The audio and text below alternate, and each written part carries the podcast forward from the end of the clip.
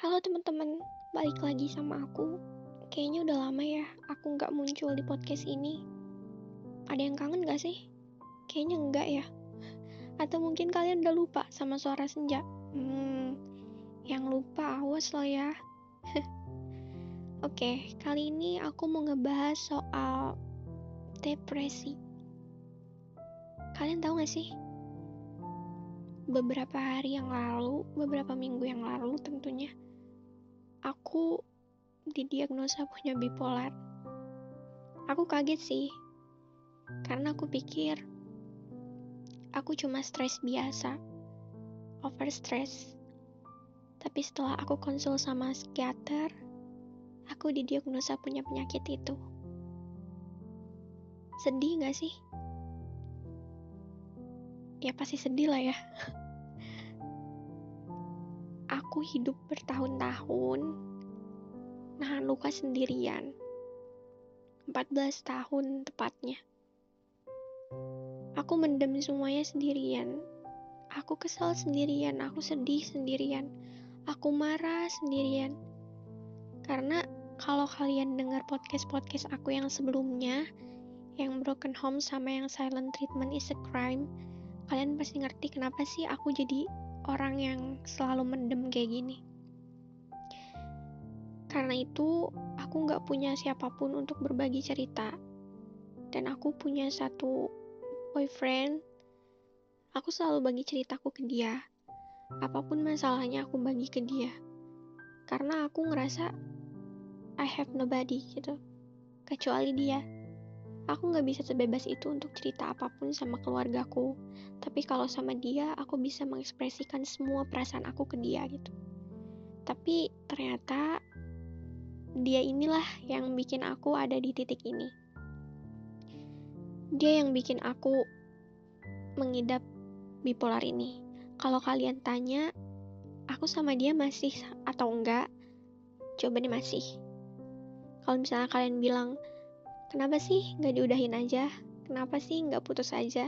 Itu toksik loh. Jawabannya karena aku masih butuh dia.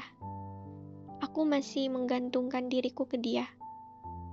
Dan kalau kalian dengar ada ungkapan dia itu luka sekaligus obat, itu nyata. Aku nganggep dia luka, tapi dia juga obatnya gitu loh. Sama dia memang sakit, tapi nggak sama-sama sama dia, itu jauh lebih sakit. Jadi itu alasan kenapa aku masih bertahan sama dia sampai sekarang. Even though banyak banget kesalahan dia yang dia ulang, dia tahu nih aku sakit, dia tahu aku bukan orang yang normal pada umumnya gitu. Aku bisa nanggepin satu masalah kecil itu bisa jadi besar karena apa yang aku idap sekarang ini gitu. Dia tahu, tapi dia tetap melakukan kesalahan yang sama dia tetap mengulang. Aku nggak tahu ya moto hidupnya apa, kenapa dia kayak gitu. Tapi mungkin karena dia berpikir kalau misalnya aku akan selalu maafin dia apa pun kesalahannya. Karena aku sayang sama dia gitu. Kalau dibilang aku terlalu bucin mungkin iya ya. Atau kalian mau bilang aku bodoh, aku idiot atau apa pun aku akuin itu memang iya, itu memang benar gitu. Aku terlalu menggantungkan hidupku sama dia jadi aku ngerasa aku kalau nggak sama dia tuh aku nggak akan bisa ngapa-ngapain. Aku nggak akan bisa uh, berekspresi lagi. Justru aku akan berubah jadi orang yang pendiam atau yang down banget gitu intinya. Atau mungkin uh, bipolar aku bakalan lebih sering kerasa atau lebih parah gitu. Aku harap sih dia bisa memperbaiki ya ya dia kasihan lah sedikit sama aku gitu. Aku bukan orang yang normal.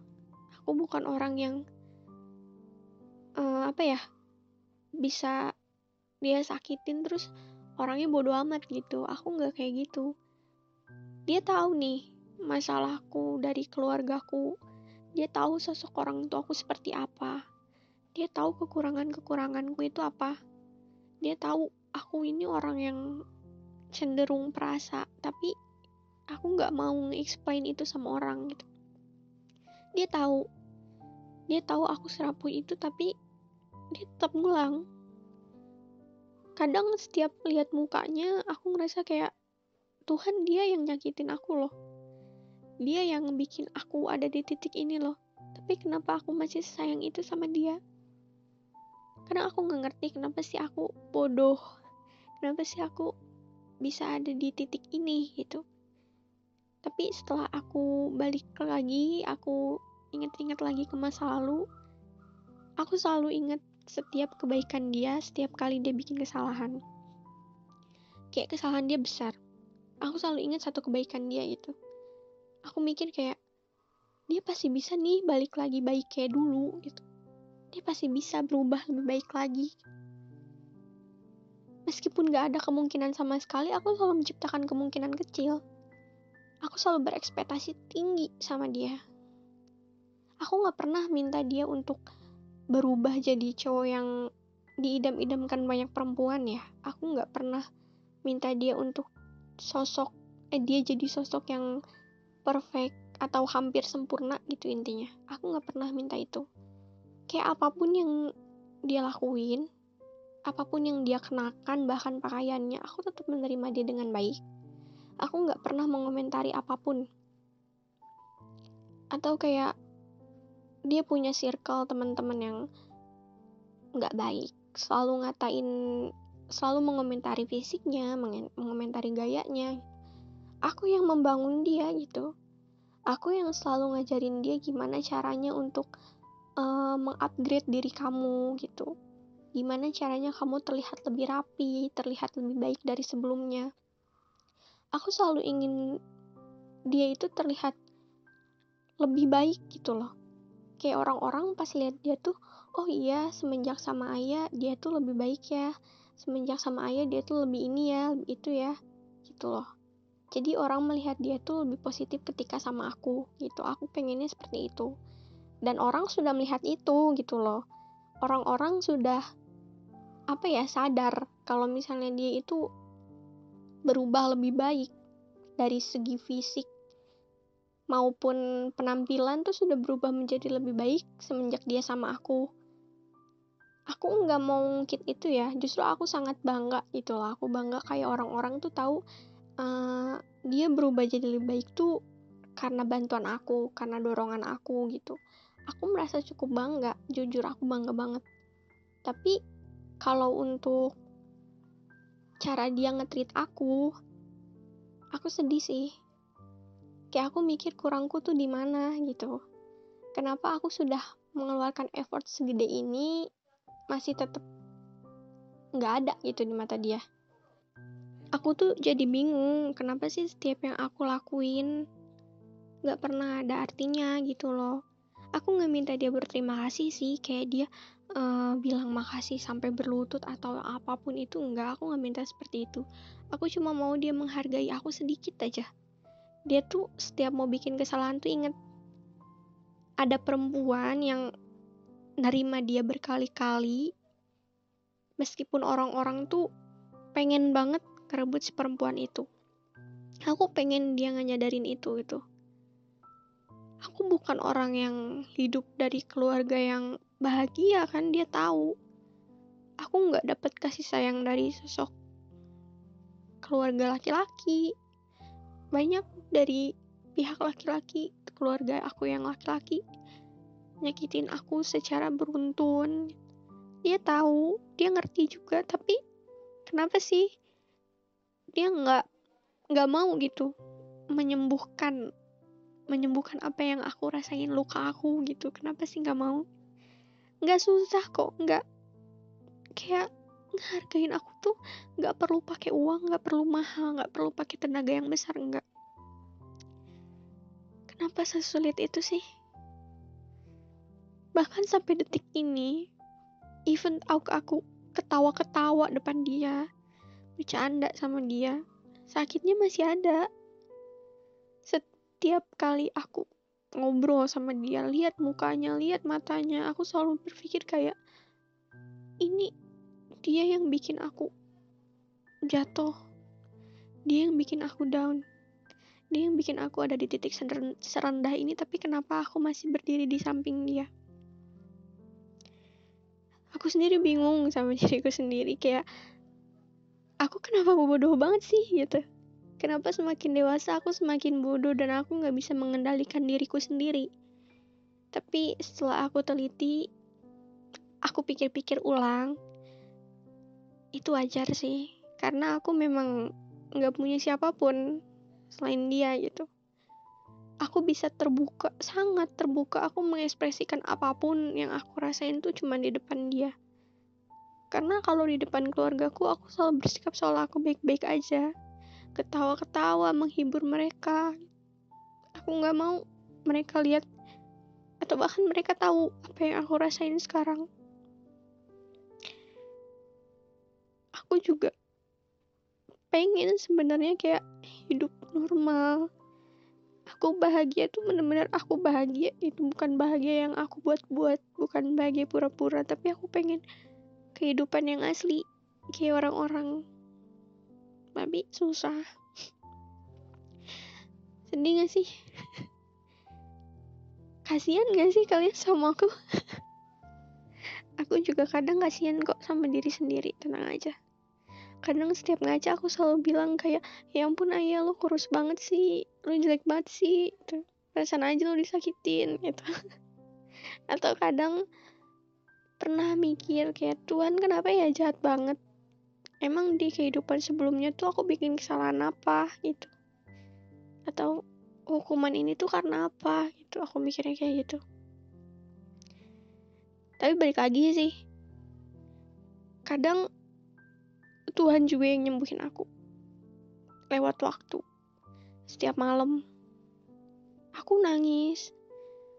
Dan paginya aku tetap baik-baik aja. Itu Tuhan yang nutupin semua luka aku Tuhan gak mau lihat aku kelihatan lemah di, di depan orang-orang karena memang aku gak suka terlihat lemah.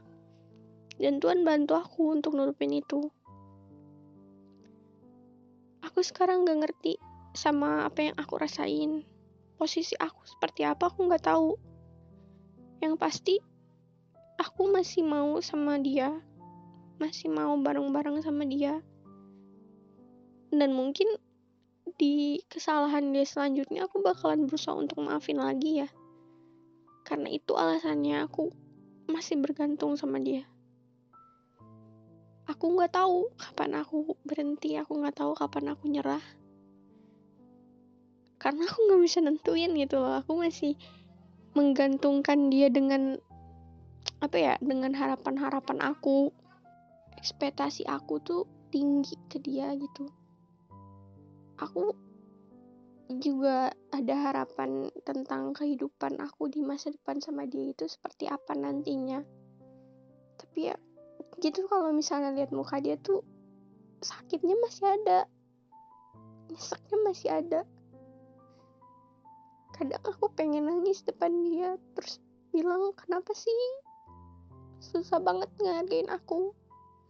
Kenapa sih susah banget bersikap baik sama aku salahku tuh apa?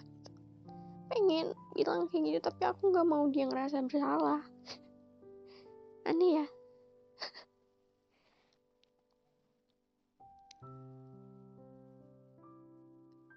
Give me time for myself. Aku mau nenangin diri aku dulu bentar ya.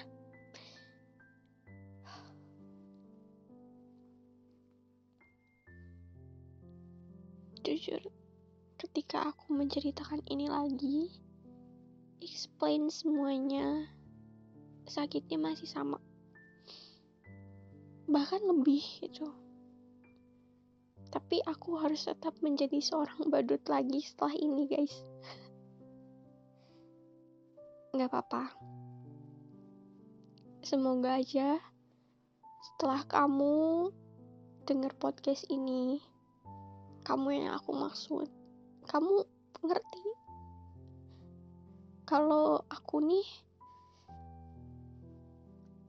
rapuh gitu aku nggak sekuat itu. Even tahu kamu punya masalah dan aku selalu jadi orang terdepan untuk lindungin kamu. Kamu lagi dijahatin sama orang aku jadi orang terdepan untuk jadi perisai kamu. Aku nggak sekuat itu untuk diriku sendiri. Aku bisa memperkuat diriku demi kamu tapi untuk diriku sendiri enggak karena aku nggak ngerti gimana caranya Dan aku harap semoga kamu bisa memperbaiki sikap kamu ya. Menghargai setiap detik kamu yang kamu habisin sama aku. Karena kita nggak tahu ke depannya seperti apa. Yang harus kamu tahu, kemarin, hari ini, mungkin besok, aku masih tetap mau nerima kamu. Meskipun kamu meluk aku dalam keadaan kamu memakai baju kaktus. That's all. Terima kasih udah denger guys. Sebuah podcast yang bahkan seperti sebuah curhatan di sini. Dan untuk kalian yang mempunyai mental illness juga, semangat ya. Ini nggak mudah kok, aku tahu. Tapi kita bisa pegangan tangan buat ngadepinnya bareng-bareng. Kalian harus sembuh harus kembali normal lagi. Kalau gitu aku pamit ya. You on my next podcast. Dadah.